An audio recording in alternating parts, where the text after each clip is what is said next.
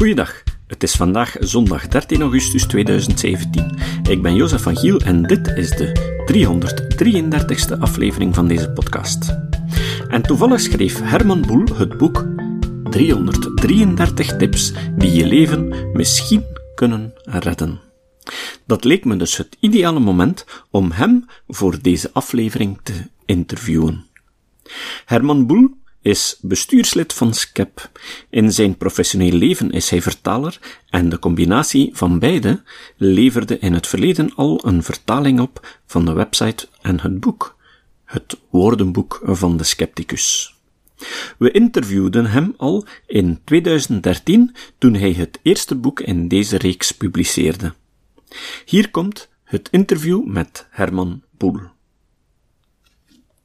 Dag Herman. Dag Jozef. Wist je dat je de eerste persoon bent die ik voor de tweede keer interview?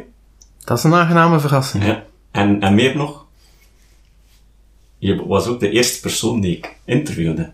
Dat was in aflevering 170. Dat herinner ik me nog. 22 september 2013 heb ik die uitzending online gezet. Dus dat is al bijna vier jaar geleden. Dat is even geleden. Ja. Dat was dus naar aanleiding van uw boek 666 leugens die iedereen gelooft. Ja. Maar er is ondertussen al van alles gebeurd. Hè. Zijn er een paar bijgekomen? Ja, ja. Het eerste van al, misschien, misschien nog het meest verrassende en het beste was dat je dat boek in het Chinees hebt laten vertalen. Ja, dat was voor mij ook een verrassing. Dus wat is blijkbaar gebeurd? Lano, de uitgeverij waar ik bij zit, die maakt één of twee keer per jaar een brochure in het Engels, zodat uh, buitenlandse uitgeverijen kunnen zien wat ze allemaal aan te bieden hebben. En blijkbaar was er een Chinese uitgeverij die uh, dit boek heel interessant vond, interessant genoeg om het in het Chinees te laten vertalen. Ja, maar het waren er geen 666, zeker? Het waren er 601. En de officiële verklaring is dat de uh, leugens of mythes die heel typisch zijn voor Nederland en Vlaanderen, waar ze in China niks aan hebben, dat die eruit werden gehaald. Mm Nu, dat klopt voor een groot deel, maar zijn er ook enkele andere die eruit zijn gehaald omwille van ideologische redenen, of eigenlijk zuiver omdat het met seks te maken heeft. En in China mag het met twee dingen niks te maken hebben, dat is politiek en seks. Ja. Ze zijn heel pruts. Uh, absoluut. Ik, uh, de vertaalster die mijn boek vertaald heeft, heeft ooit een erotisch boek, een Nederlandstalig erotisch boek naar het Chinees moeten vertalen. En van die 350 pagina's zijn er maar 150 overgebleven. ja, ja, ja. En uh, heb je er al veel verkocht van die Chinese boeken? Heb je daar een idee van? Ik weet dat het boek in eerste oplage op 7000 exemplaren is verschenen, wat blijkbaar voor, naar Chinese normen een heel normaal um, aantal is. Mm -hmm. Nu is het wel zo, um, ik heb dat ook gemerkt toen ik in Shanghai zelf was, mensen lezen daar nagenoeg geen fysieke boeken. Ik heb daar ook nooit iemand een krant zien lezen. Ze lezen daar uh, allemaal op hun smartphone en op hun tablet.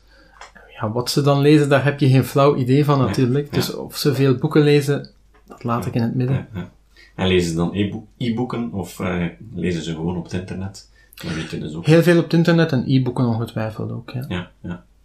Is er een e-book van, uh, van dat boek dan ook verschenen? Of van de Chinese versie? Van de Chinese versie? Dat is een goede vraag. Dat zou ik eigenlijk moeten zoeken. Oké. Okay. Uh, heb je reacties gekregen van hem? Um, ik heb wel wat, wat recensies online in het Chinees gelezen, uh, danks via mijn, de vertaalster die het voor mij kon vertalen. En daar blijken een beetje dezelfde soort reacties als hier. Je hebt een hoop mensen die, uh, die het boek geweldig vinden en je hebt er natuurlijk ook altijd die het minder goed vinden. Ja, ja. Maar de reacties verschillen daar niet echt van, van de mensen hier. Waarom vinden mensen soms minder goed? Wel, ik, ik heb van uh, één of twee mensen kreeg bijvoorbeeld de reactie van, ja, kijk, de, de, de stukjes zijn wel leuk, maar ze zijn te weinig uitgewerkt. Mhm. Ja, logisch, anders wordt het boek veel dikker en wordt Ja, het ook ja. veel duurder. Ja. En zou het ook veel langer duren om het te schrijven. Ja. Dus, uh, maar ja, je hebt altijd wel mensen die het een of het andere minder goed Ja, vinden. het is dus eigenlijk vooral op de vorm dat men uh, kritiek had. Ja, inhoudelijk heb ik eigenlijk nog, nog maar heel weinig uh, commentaar gekregen, of ook van mensen die zeggen van daar klopt iets niet. Af en toe zijn er wel eens schoonheidsfoutjes, zoals je in alle Ja, boeken ja. tegenkomt. Maar echt zware fouten, daar heeft nog niemand mij echt uh, op gewezen. Dat bleek een zeer groot succes te zijn, dat boek. Ook in Vlaanderen en Nederland? Ja, van Of 666 zijn er eh, ondertussen meer dan 15.000 verkocht, dus dat is Amai. toch een behoorlijke hoop.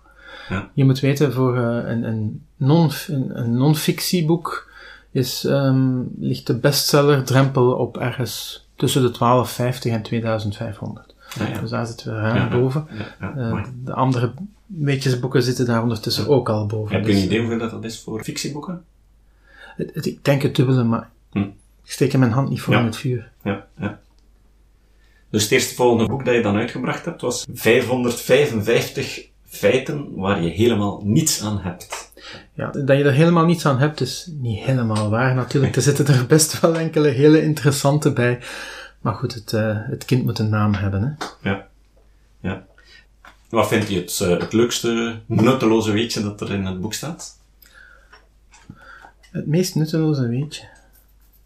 Nee, het meest interessante nutteloze weetje. Wel, wat had je er? Of het leukste.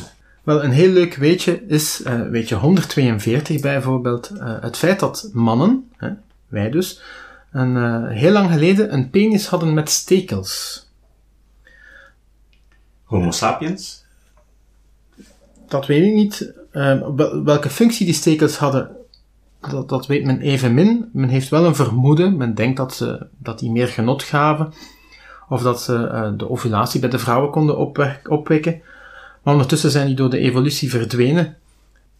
Niet alleen omdat de geslachtsgemeenschap langer begon te duren, maar ook omdat de vrouwen niet alleen meer vruchtbaar zijn tijdens de ovulatie, maar ook op andere perioden. Dus ze hadden hun nut verloren en verdwenen dan maar, zoals dat met de evolutie altijd gebeurt. Maar bij apen en andere diersoorten zijn er wel nog die eh, Ah, ja. stekelige penissen hebben. Ja.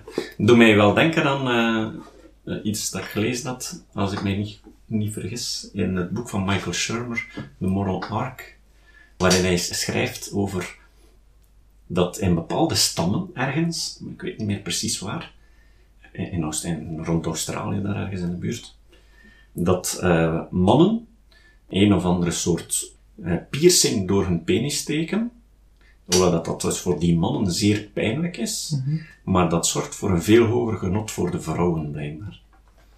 Oké. En hij gaf dat als een van de voorbeelden van dingen die ondertussen verdwenen zijn. Ja, Mooi voor die mensen. ja. misschien voor de volgende versie van een boek. Na dat boek heb je het boek geschreven, 444 blunders, Ja. die de geschiedenis bijna hebben veranderd. Ja, daar heb ik heel veel plezier aan gehad. Ja. Het boek begint eigenlijk met een erg direct verhaal op de dwaasheid.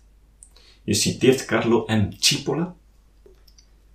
Zeg Ja. eens wat daar precies staat? Wel, ehm Cipolla, dat is een eh, Italiaans professor die in, aan de, in de Verenigde Staten les geeft.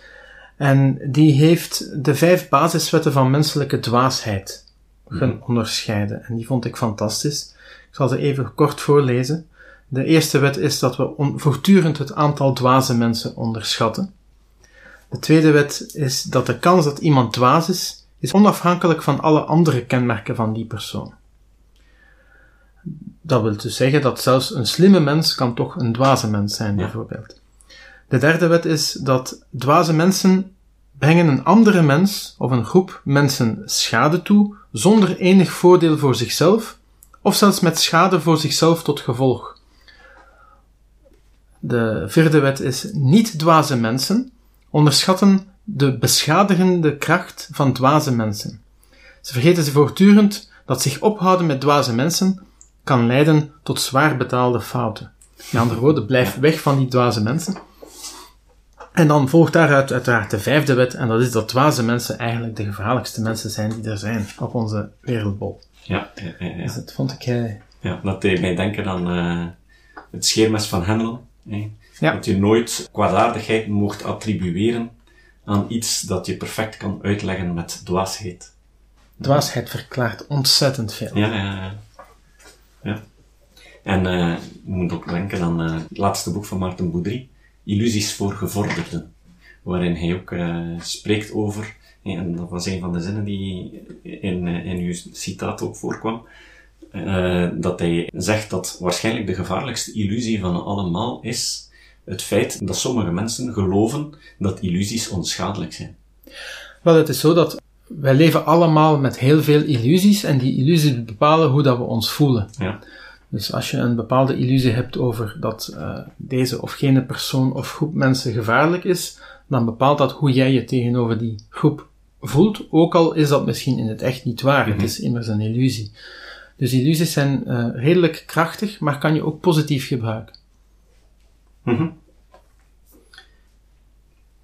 Er zijn ook een paar uitvindingen die eigenlijk aanvankelijk een blunder waren. Hè? Ja, de uitvinding van penicilline bijvoorbeeld. Ja.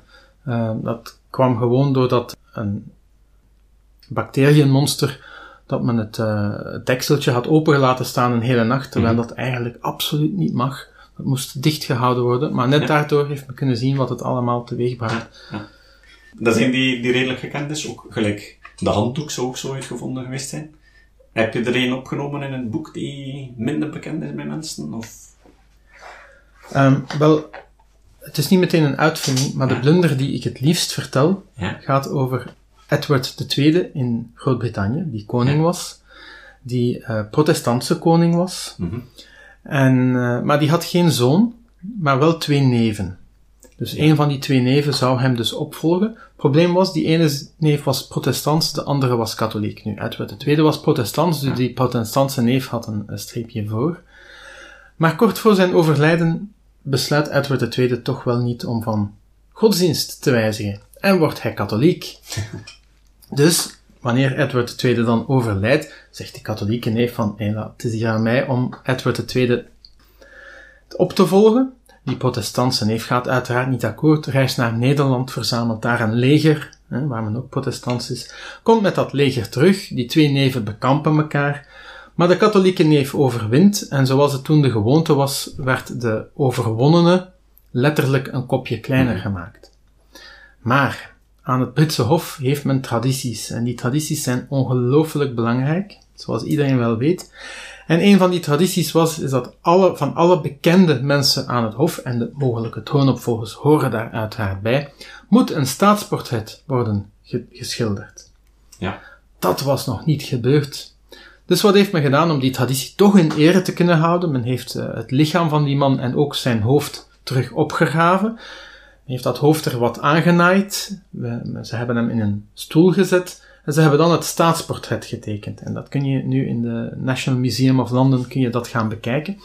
Dus de, de, de blunder is dubbel. Je kan kiezen ofwel het feit dat ze hem al hadden onthoofd, ofwel het feit dat ze niet eerst een staatsportret hadden getekend. dus welke blunder mag je dan nog zelf kiezen ook. Maar ik vind dat een geweldig verhaal. Ja, ja, ja. En weet je of dat ze op dat portret ook uh, dat aannaaien meegeschilderd hebben? Of hebben ze maar geschilderd alsof hij nog leefde? Het is niet zo duidelijk te zien, maar je ziet daar wel een vrij levensloos figuur in een stoel zitten. Dus op dat vlak is het dan wel goed geschilderd. Ja, ja. Dat is gelijk in de eerste fotografie werden er ook heel veel lijken geschilderd, gefotografeerd. Die bleven stilzitten, hè? Ja, ja, ja, ja. ja. Mooi. Ik veronderstel dat uh, de verkiezingen van Donald Trump daar niet tussen staan. Die zijn van na de datum. En of dat echt een blunder is, dat moet de toekomst nog uitwijzen natuurlijk. Uh, Op dit moment hebben we er niet veel goed oog op, maar nee, ja, ja. we zien wel. Je blijft maar doorgaan? Ja. Hoe begin je er eigenlijk aan aan zo'n boek? Wel, alles begint met een onderwerp. Je moet weten waarover dat je gaat schrijven. En in het begin was dat vrij eenvoudig. Eerst die leugens, dat was een vrij logische keuze. Dan keer je dat eens om. Je gaat van leugens naar feiten. Die blunders gingen ook nog, maar dan, dan werd het al moeilijker van ja, waar ga je nu nog over schrijven? Ook al omdat weetjes vinden op zich is niet zo moeilijk, maar weetjes waar je dan nog iets zinnigs over te mhm. schrijven hebt en meer dan twee zinnen, dat wordt al heel wat moeilijker. Ja. Dus uh, we zijn dan uiteraard aan die 333 tips voor een mogelijk langer leven gekomen. Ja. En nu wordt het eigenlijk moeilijk. Er zijn bijna 2000 weetjes geschreven en de, de pot is aan het leeg geraken. dus of dat er nog één zal komen, dat, uh, dat is nog onzeker. Waar haal je die dan uh, op het internet? Over, overal. Um, het internet, maar gewoon in de dagelijkse krant, in praatprogramma's, mm of gewoon zelfs bij de kinderen aan tafel als ze van school komen, wat ze dan allemaal vertellen. Ja. Uh, heel vaak gebeurt het nu nog dat ze um, aan tafel iets vertellen en dat ik zeg van, kijk maar in een van de boeken, het staat erin. Ja, ja, ja. Die moeite doen ze dan meestal niet natuurlijk. Dus uw kinderen hebben, hebben uw boeken nog niet gelezen? Toch niet in mijn gezichtsveld, nee. ja, ja. En dan schrijf je die op uh, als je zoiets tegenkomt. En dan begin je echt researchwerk om te kijken, klopt het wel of... Dat is het grootste werk van klopt het of klopt het niet. We hadden bijna, bij de feiten hadden we bijna een zogezegd feit op de cover dat niet bleek juist te zijn. Ja. Dat was dat alle ijsberen linkshandig zijn. En dat is blijkbaar een, een mythe die heel sterk de ronde doet. En ik heb uiteindelijk in een wetenschappelijke tijdschrift online gezien dat dat eigenlijk niet klopt. Ja. En een wetenschappelijk tijdschrift ja. vertrouw ik nog net iets sneller dan een, een lifestyle magazine bijvoorbeeld. Ja, ja, dus, um, de vraag is ook, uh, hoe kun je dat weten? Hè? Ja, je moet... of zo? het, is, het is heel moeilijk inderdaad. Het is een uh, kwestie van een beetje te beslissen welke bronnen je meer waarde, aan welke bronnen je meer waarde hecht dan aan andere.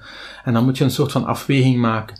Mhm. Maar het is niet omdat je iets heel vaak tegenkomt dat het klopt. Nee, ja. Dus je kijkt uh, toch zeker naar hoe betrouwbaar is mijn bron. Ja. En dan op basis daarvan ga je filteren. Ja, inderdaad.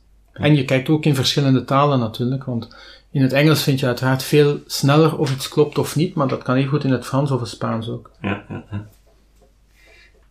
In 333 tips die je leven misschien kunnen redden, staan daar echt pertinente dingen dat eigenlijk echt wel iedereen zou moeten weten. Absoluut.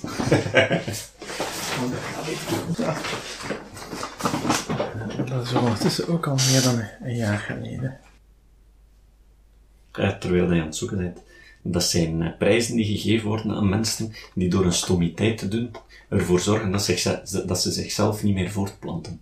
Zij door ah. zichzelf te castreren of door, of door uh, zichzelf te doden. Ja, dat moeten heel veel mensen doen. Hè? Wel, eigenlijk, het is een heel, het is, het is echt lifestyle dingen, hè? maar ja. eigenlijk vrouwen met een dik achterwerk, ja. die zijn veel gezonder dan vrouwen zonder dik achterwerk. Ja, ja. Dus die beklagen zich vaak, maar eigenlijk is dat gezond.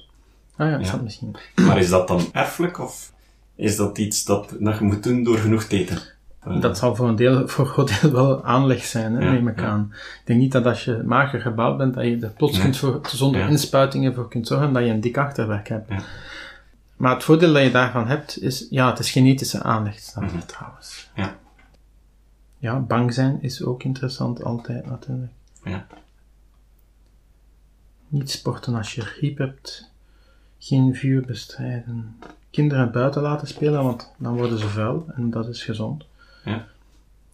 Mensen die zich veel douchen zijn niet gezond, want die douchen, de, ze wassen niet alleen de slechte bacteriën, maar ook de goede bacteriën weg. Ja. Dus elke dag douchen is eigenlijk heel ongezond.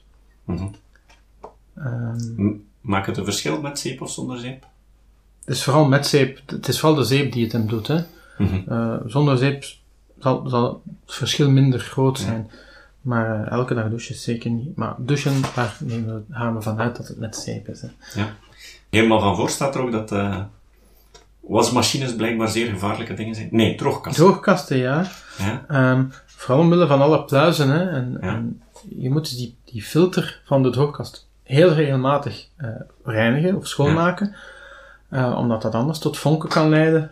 En dan kan heel je geval ontploffen omdat dat tussen de elektrische installatie ja, terecht komt. tussen de elektrische delen.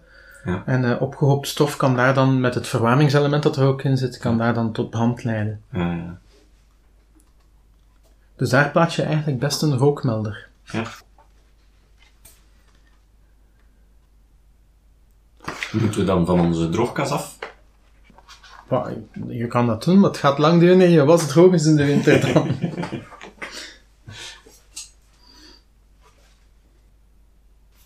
Ah, wat eigenlijk ook een leuke is. In heel veel huizen wordt gezegd, maar ook in cafés wordt gezegd mhm. van als je wil roken, ga buiten roken. Ja. En wat gebeurt er? Die, de persoon die gaan roken is, die stopt met roken, die doet zijn sigaret uit en komt onmiddellijk naar binnen. Maar eigenlijk blijft dat heel ongezond, omdat wanneer een roker de laatste keer aan zijn sigaret heeft getrokken, dan duurt het anderhalve minuut voordat de deeltjes ongezonde lucht in zijn uitgeademde lucht, dat die verdwenen zijn. Dus als hij onmiddellijk binnenkomt na zijn laatste trek, dan verspreidt hij gedurende anderhalve minuut nog heel ongezonde rooklucht in de ruimte. Ah, dus die mens zou eigenlijk twee minuten moeten buiten blijven wachten na zijn laatste trek eer hem terug binnenkomt. Ja, ja. Dus, eh, maar dat- ik denk niet dat dat vaak gebeurt. Ik denk dat ze, zeker in de winter, dat ze vaak onmiddellijk ja, terug binnenkomen. ja. Maar eigenlijk maken ze het dan ook ongezond. Ja. En dan zijn er uiteraard heel veel plaatsen ter wereld waar je best wegblijft. Omdat het daar eh, bepaalde Mexicaanse steden en zo. Omdat het zo vuil is van Nee, om, wegens geweld. Ah, geweld. Ja. Zoveel moorden per dag. Ja, ja. Die niet eens meer in het nieuws komen. omdat Nee, al lang niet meer. zo eh, normaal is. Als, anders moeten ze daar elke, elke dag over vermelden, ja, ja. eh, vertellen. Ik zeg altijd, als het in het nieuws komt, dan is de kans zeer klein dat je het ooit zelf gaat meemaken. Want Ja. als, je het ooit, als de kans groot is dat je het ooit zelf gaat meemaken, komt het niet meer in het nieuws dan, want dan Nee. is dat niet meer iets dat normaal is. Hè. juist. Nu, eh, al die boeken, dat is al een hele stapel, hè. eh, vier boeken.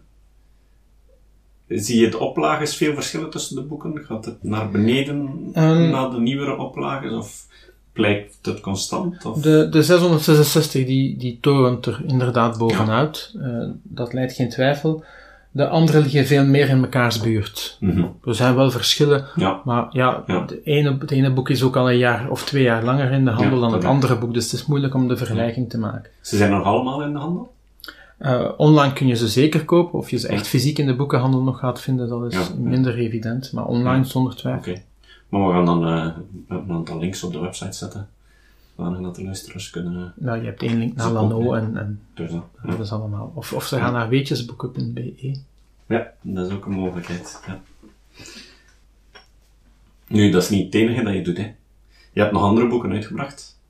Een boek eh, samen met eh, Patrick de Witte nog Ja, geweest. En dan daarvoor de encyclopedie, eh het woordenboek van de scepticus. van de Scepticus. Dat is ondertussen al zeven jaar geleden. Die, dat was eigenlijk een online woordenboek. Dat is nog altijd Die online. je nog altijd. Dat is nog altijd online, maar ik werk daar eigenlijk niet meer aan, Ja. wegens tijdsgebrek.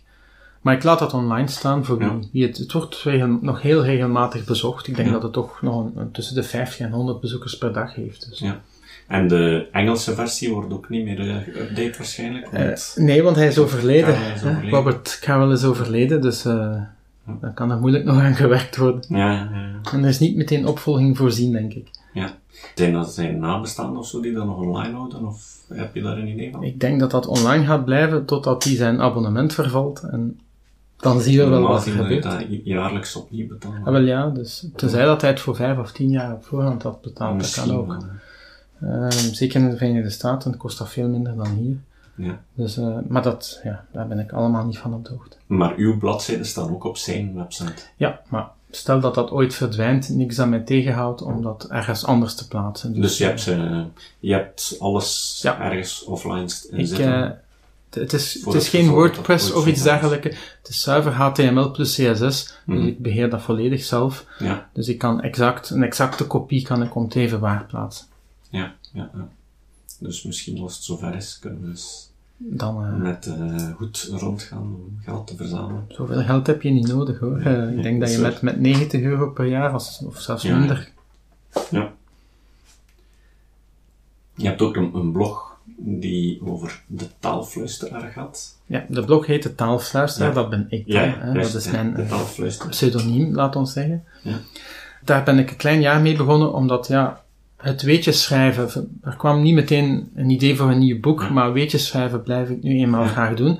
En taal is mijn passie als Ja, vertaler. vertaler. Dus ehm was het, lag het voor de hand om een taalblog te beginnen. Ja. En die wordt heel goed bezocht, ben ik heel blij om. Ik heb eh, op- Facebook meer dan, bijna 1600 volgers. Dus eh, Ja. blijkbaar is dat wel iets dat mensen interesseert. Ja. Ja. En wat voor soort zaken eh, eh, publiceer je erop? Er komt een beetje van alles op waar woorden vandaan komen, maar ook taalnieuws. Hè. Bijvoorbeeld eh, deze week heb ik nog het nieuws gebracht dat men in Spanje bezig is met een software te ontwikkelen dat handgebaren van doven omzet in spreektaal. En de bedoeling is dat dat ook als app op een eh, tablet of smartphone zou kunnen worden gezet. En op die manier kunnen doven echt perfect deelnemen aan een gewoon gesprek tussen sprekende mensen. Of horende mensen. En dan hoe werkt dat dan? Uh, je moet dan de, dove persoon filmen en, Wel, uh, dus, en dan die app interpreteert de bewegingen? Dus er is een sensor die in 3D de handbewegingen beweegt. Je kunt trouwens ook je eigen handbewegingen eraan toevoegen, mocht je het wel willen verpersoonlijken. En dan worden die handbewegingen worden geïnterpreteerd en omgezet. De vraag is natuurlijk op dit moment van, zal dat machinevertaling de kwaliteit daarvan overstijgen, ja of nee? Mhm. Als dat niet zo is, dan kunnen ze even goed de app links laten liggen. Ja, dan laten we hopen van dat het Dus je zegt met een sensor, dus met woorden, de dove persoon moet uh, de smartphone vasthouden en die registreert dan de bewegingen terwijl dat hij zijn... Ja, ik, ik vermoed dat de smartphone ergens zal moeten staan, want hij, kan ze, hij kan hem moeilijk tegelijkertijd vasthouden en zijn gebaren gaan doen, want daarvoor heeft hij zijn twee handen nodig natuurlijk. Uh, maar het is nog, ze zijn nog met het prototype bezig. Um, Dat kan dus nog enkele jaren duren en ze moeten uiteraard ook financiële steun krijgen. Maar het is een interessant. Uh, Mix je dat ook met uh, uw andere hobby van scepticisme? In andere woorden, soms dingen over pseudowetenschappelijke zaken, over taal of zoiets? Ja, um, ik noem dat taal pseudowetenschap. Ja. dat komt eigenlijk veel meer voor dan mensen denken. Ja. En de meest voorkomende vorm is dat men twee talen met elkaar gaat vergelijken en dat men daaruit besluit van, ja, die twee talen zijn heel erg met elkaar verwant, mhm. ook al is dat niet zo. En de, de, het argument dat het vaakst wordt gebruikt is van, kijk, een hele hoop woorden die eigenlijk overeenkomen qua klank en betekenis. Ja. Maar goed, in elke taal zitten zo gigantisch veel woorden, dan speelt een beetje de wet van de grote getallen. Je gaat altijd wel zaken vinden die overeenkomen tussen om het even welke twee talen. Ja. Puur toeval. Maar dan zijn, uh, dan zijn er, uh, zoals in het begin van vorige eeuw in Turkije, had men de zonnetheorie, waarmee men beweerde dat uh, het Turks de oorsprong was van alle talen. Nee. Dat hebben ze ook van het Roemeens al beweerd. Of dan zijn er mensen die bepaalde talen met elkaar combineren, zoals het, het Baskisch met het Japans of zo. Ja. Um, je vindt de gekste theorieën. Onlangs hoorde ik iets over het Fins en het Japans. Blijkbaar. Ja, je, je vindt zo van alles. Er is zelfs ooit, ik dacht in de 17e of 18e eeuw, iemand geweest die uh, beweerde dat het Antwerps het bron, de bron was van alle talen. maar, maar, dat was een parodie veronderstel ik. Nee, dat was heel gemeend zelfs. Dat was heel serieus ja. gemeend. Maar goed, daar, daar, moeten we eens goed mee lachen. Maar dat was toen, ja, echt wel, tussen aanhalingstekens, wetenschap. Ja.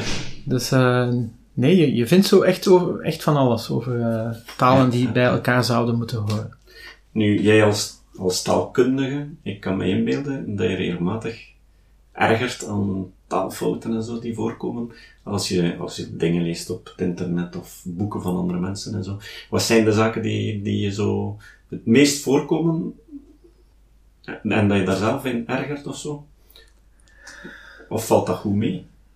Nee, er zijn, als je naar websites begint te kijken, ga je heel veel websites vinden waar uh, heel veel taalfouten op staan. Mm -hmm.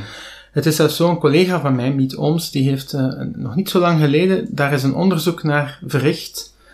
En daaruit bleek dat 85% van de Vlamingen en Nederlanders, die vinden dat jouw bedrijf niet professioneel is als ze er verschillende taalfouten, als ze verschillende taalfouten vinden op, ja. op de website. Ja. Dus het, het speelt toch wel in heel erg bij de mensen, taalfouten. Ja. En is dat in een bepaalde leeftijdscategorie? Ik bedoel, zijn oudere mensen, dat wordt soms zo gezegd, meer gevoelig daaraan dan jongere mensen? Of? Ik denk dat oudere mensen er misschien wel iets meer gevoelig aan zijn, maar ook voor andere soorten fouten. Ja. Mm Zaken die zelfs misschien al niet meer fout zijn ondertussen. Ja. Um, je, je ziet ook bij oudere, men, oudere mensen um, hangen veel meer het vroege Noord-Nederlands aan. Terwijl hoe jonger de mensen zijn, hoe meer het Belgisch-Nederlands echt als standaard wordt gezien en, en niet foutief. Ja. In, uh, in het kader van al dat vertaalwerk en zo, en dan een goede spraaktaal, hoe, hoe kijk jij ten, ten opzichte van technologieën zoals bijvoorbeeld Google Translate en zo? Wel, um, je kunt machinevertaling met enkele heel eenvoudige argumenten heel eenvoudig onderuit halen. Mm -hmm. Het eerste argument is dat machinevertaling er altijd van uitgaat dat de brontekst foutloos is. Ja. Nu, elke professionele vertaler zal je kunnen vertellen dat dat maar heel zelden het geval is. Mm -hmm. Er staan in bronteksten, de bronteksten die ik ook krijg, bijvoorbeeld uh, handleidingen van elektrische toestellen of apparaten die in Azië zijn uh, geschreven in het Engels, of zelfs, zelfs van de uh, federale overheid teksten in het Frans, die staan allemaal vol fouten. Daar kan machinevertaling gewoonweg niet mee overweg. Ja. En heb je het dan over, over taalfouten of over inhoudelijke fouten? Ik heb het dan zuiver over taalfouten. Ah, ja, ja. ja. Uh, bijvoorbeeld dat het onderwerp enkelvoud is, maar dat het werkwoord in het meervoud staat. Ja. Ik zeg maar iets. Machinevertaling gaat dat letterlijk zo vertalen. Ja. Uh, een menselijke vertaler gaat die fouten opvangen en gaat dat aanpassen. Maar dan zijn er nog zoveel andere dingen. Uh, dubbelzinnigheden, sarcasme, Mhm. toon, uh, humor en heel veel idiomatische uitdrukkingen. We hebben er, zeker in het Nederlands ook, gebruiken we ongelooflijk veel idiomatische uitdrukkingen. Wat is een idiomatische uitdrukking? Bijvoorbeeld, um, wacht, wat heb ik vandaag al gebruikt? Bijvoorbeeld als we zeggen, we staan er goed voor. Mhm. Dat is een idiomaat. Je kan dat onmogelijk letterlijk gaan vertalen. Je moet dat parafraseren in een andere taal. Ja, zo heb je er in bijna elke zin die je eigenlijk zegt, je zou er eens moeten opletten, gebruik je wel een of andere idiomatische uitdrukking. Mhm. In het Nederlands gebruiken we dat heel veel. Als je dat allemaal in machinevertaling in die databanken moet gaan steken, Ja. dan nog in alle mogelijke vormen, want dat wordt vervoegd, verbogen enzovoort. Dat, dat wordt zo'n gigantische databank, ehm, dat, dat lijkt me vrij moeilijk. En zie je het als een hulpmiddel voor een vertaler? Dus dat je bijvoorbeeld eerst begint met de taal, met een tekst bijvoorbeeld ruw, automatisch te vertalen en dat je er dan nog eens doorgaat? Kan Nee. dat een hulpmiddel zijn? Of? Eigenlijk niet. Nee. Omdat dat wordt gedaan, hè, dat is machinevertaling en dan plus post-editing. Post-editing betekent dat een menselijke vertaler de machinevertaler gaat corrigeren. Maar wat dan vaak gebeurt is dat wat de vertaler eigenlijk doet, is gewoon de, de taalfouten eruit halen, Mhm. eventueel de inhoudelijke fouten, maar hij gaat weinig of niks aan de stijl wijzigen. Ja. En je, neemt, je wordt dus eigenlijk bijna gedwongen of verplicht om de stijl van de machinevertaling over te nemen. En mocht die vertaler die post-editing doet de tekst vanaf nul vertalen, dan zou die tekst er volledig anders uitzien. Mhm. Nu, het gevolg is dan ook dat geen enkele professionele vertaler houdt zich daarmee bezig. Ja. Die zal ten eerste geen gebruik maken van machinevertaling om die reden, maar die zal ook die post-editing niet doen, omdat dat nogal een geestdodend werk is, dat bovendien heel slecht betaald is. Ja, ja, ja. Nu, ik moet zeggen, ik, ik vertaal soms teksten, nooit, nooit lange teksten, het is altijd ad hoc natuurlijk. Dikwijls voor mijn job eh, heb ik daar eens een, een stuk tekst in het Nederlands. Ik moet dat eh, daarover spreken met iemand anders in het Engels en ik ga dat vertalen.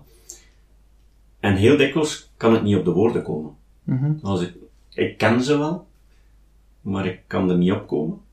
En dan maak ik dikwijls wel gebruik van Google Translate bijvoorbeeld, om dat woord in te geven. Dan krijg ik dikwijls een hele lijst en dan zeg ik, ah ja, het is dat woord natuurlijk dat je nodig hebt. Ja, maar dan kun je even goed een woordenboek gebruiken. Ja, maar het gaat misschien niet. Heeft Google Translate geen, geen meerwaarde. Nee, Het enige waarvoor machinevertaling nuttig is, is stel je, je hebt ergens een tekst in het Koreaans, of Mhm. zeg maar iets, en je wilt toch absoluut weten wat erin staat. Ja. Dat kan wel, zeker als je naar het Engels gaat.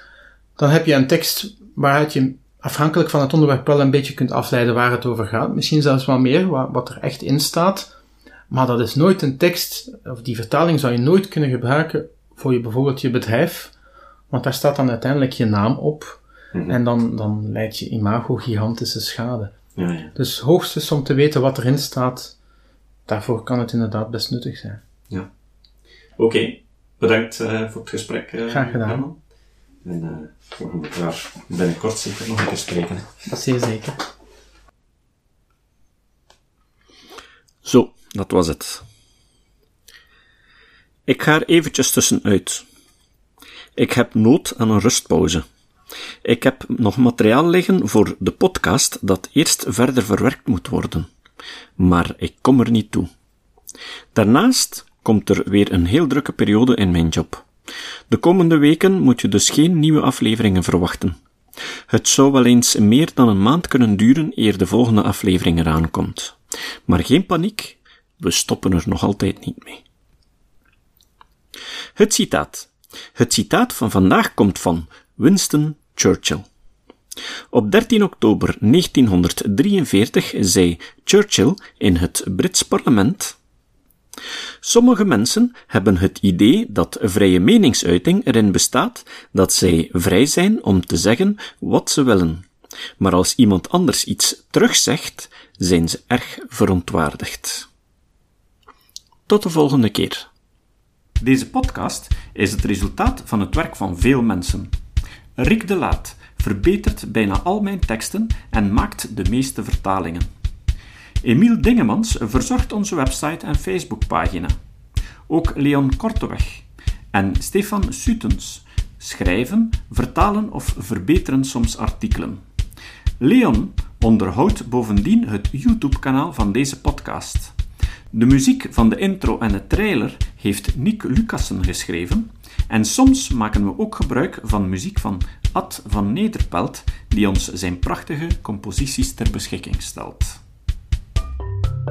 Dit was de podcast Kritisch Denken. Vergeet niet om alles kritisch te behandelen, ook deze podcast. Voor verdere informatie over deze podcast, links en voor de tekst, surf naar www.kritischdenken.info. Als je deze podcast belangrijk vindt, kun je me steunen door anderen warm te maken ook eens te luisteren. Stuur een e-mail naar vrienden met een link naar de website en plaats de link in de handtekening van je e-mails. Tevens kun je op iTunes deze podcast een beoordeling geven of een recensie schrijven. Of je kan op je eigen website of blog een link naar kritisch denken plaatsen.